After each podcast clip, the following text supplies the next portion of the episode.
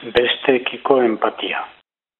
Gaztelaniaren eta euskararen arteko borrokak markatu du denbora luzean gure ibilbide soziolinguistikoa. Azken urteotan ordea, tirabira horiek leundu dira, eta pragmatismo edo hizkuntza biak ustargarriak izan behar dutela pentsatzera igaro gara. Batzuk gogonez, eta beste batzuk alabearrez. Beraz, kontrajarriak ziren hizkuntza jarrerak hurbildu dira oroar. Eta mudantza horretan hizkuntza ekologiaren teoriak eragin handia izan du.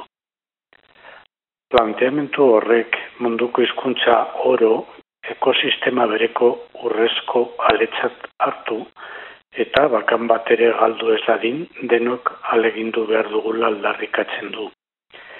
Ideia horrekin bat, Euskararen biziraupen osasuntsua beste hizkuntzen bezala guztion kezka eta ardura litzateke.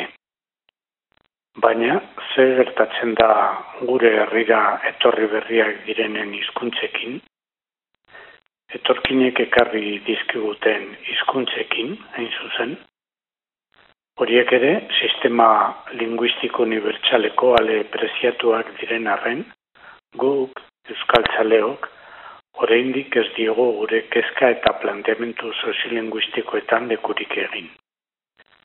Ez dugu harretan diri jarri gurean bizi diren beste hizkuntza komunitate horiengan. Geure buruari egin behar diogun galdera orduan hause da. Nola erakarriko ditugun bizilagun berri horiek gure hizkuntzara, guk haiei, beren hizkuntzei, bizkar emanda bizi gara. Izan ere, zaila baino zailagoa izango da, Euskararekiko interesa gain piztea, alde aurretik gugeuk hizkuntza komunitate horiei erreparatu ere egiten ez badiegu.